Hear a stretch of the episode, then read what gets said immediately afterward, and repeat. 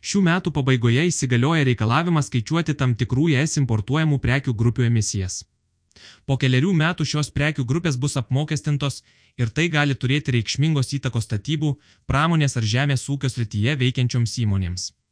Šiuo metu daugelis šalies verslų sprendžia kur kas artimesnės perspektyvos iššūkius ir tai suprantama. Visgi neskiriant dėmesio tvarumui dabar, po keliarių metų jis gali tapti egzistenciniu verslo iššūkiu. Artėja emisijų apmokestinimas. Nuo šių metų spalio e šalyse pradedamas taikyti emisijų skaičiavimas kelių kategorijų importuojamoms prekiams pagal CBAMA-INGL – Carbon Border Adjustment Mechanism metodiką. Tai apims į bendryje importuojamą geležį ir plieną, cementą, trašas, aliuminį, elektrą ir vandenilį.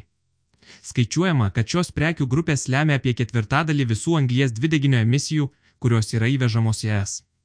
Duomenys apie importuojamas emisijas bus renkami artimiausius keliarius metus, o nuo 2026 metų įsigalios atitinkami tarifai, kurie turėtų suvienodinti importuojamų prekių ir es kilmės prekių, kurioms reikia įsigyti taršos leidimus, apmokestinimą. Pagal ES taršos leidimų sistemą šiuo metu viena tona anglies dvideginio yra apmokestinama 84 eurais. Per pastaruosius dviejus metus ši suma padidėjo daugiau kaip du kartus. Jei šis mokestis būtų pritaikytas, pavyzdžiui, iš trečiųjų šalių importuotai elektrai, kilovatvalandės kaina tai galėtų padidinti 15-20 procentų, palyginti su kovo MIM biržos kaina.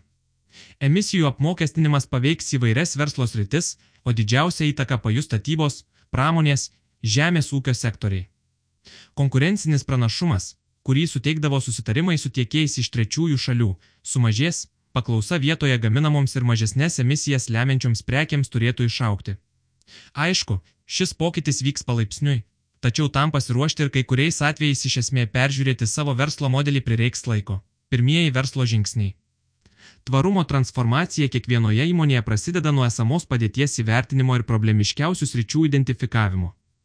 Bendraujant su verslo klientais matyti, kad kol kas tik nedidelė dalis įmonių apskritai skaičiuoja savo veiklos emisijas ar yra įsikėlusios apibrieštus emisijų mažinimo tikslus. Bandymai įvertinti savo tiekimo grandinę emisijų atžvilgių dar retesni. Dėl to verslui buvo pristatytas Svetbank tvarumo vertinimo įrankis, kuris gali tapti pirmuoju žingsniu pasirenkant tvaresnės veiklos kryptį. Pasinaudoję šiuo įrankiu, įmonių vadovai ar kiti už tvarumą atsakingi darbuotojai gali susipažinti su pagrindiniais tvarios veiklos aspektais ir įvertinti esamą įmonės situaciją iš tvarumo perspektyvos. Anksčiau aptarti emisijų muitai artimiausioje ateityje įmonės paskatins daugiau dėmesio sutelkti į tiekimo grandinių peržiūrą ir išgryninimą. Kuo trumpesnė ir skaidresnė tiekimo grandinė, tuo lengviau suprasti jos pėtsaką ir kontroliuoti su tuo susijusius procesus. Rusijos agresija Ukrainoje ir su jie susijęs energijos kainų šokas, kuris Europą buvo ištikęs pastaruosius metus, išryškino energinio atsparumo, nuo savos energijos generacijos poreikį. Lietuvoje tai gerokai paspartino pereimo prie žaliosios energetikos procesus ir valstybės lygių ir atskirose įmonėse. Nepaisant rinkoje gerokai sumažėjusių energijos kainų, transformacijos procesas dar nesibaigė, čia toliau reikalingos investicijos.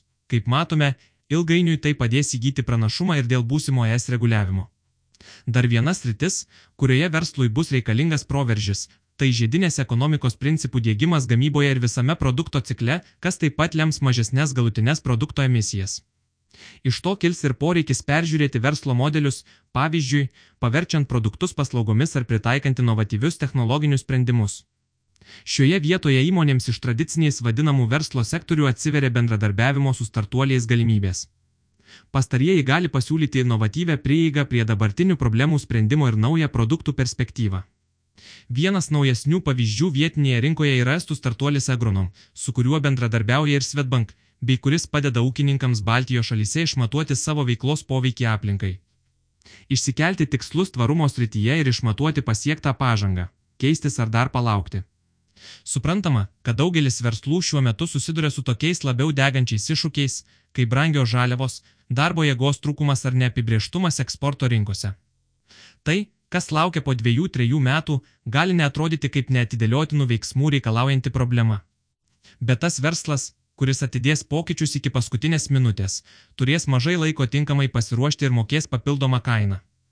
Žvelgiant į pasaulinę rinką, kai kurios didžiosios pasaulio kompanijos tvarumo kryptimi eina ne vienerius metus, be to, jos dažnai į šį procesą įtraukia ir kitus rinkos dalyvius. Pasaulinė gėrimų gigantė InBev dar 2018 metai įsteigė tvarumo akceleratorių 100 Accelerator. Į jį kvietė prisijungti startuolius ir socialinių inovacijų kuriejus, kurie turėjo pasiūlyti JOT darnaus vystimosi tikslus orientuotų sprendimų ir juos bendrovė galėjo taikyti savo veikloje. Prieš dviejus metus prie šios programos prisijungė tokie pasauliniai koncernai kaip THACO Cacola Company, Colgate Palmolive ir Unilever, kurie suteikė prieimą prie savo tiekimo grandinių startuoliams turintiems padėti spręsti vartotojų prekių sektoriuje kylančius tvarumo iššūkius. Tai vienas iš pavyzdžių, parodantis, kad verslas imasi žingsnių tvarumo linkme nelaukdamas, kol jį tai daryti įpareigos atitinkami teisės aktai. Artimiausioje ateityje dėmesys tvarumui bus konkurencinis pranašumas, kuris padės pelnyti ir klientų, ir partnerių palankų vertinimą. Ilgalaikėje perspektyvoje tvari įmonės veikla taps vieninteliu būdu tęsti veiklą dėl reguliavimo ir konkurencinės aplinkos pokyčių.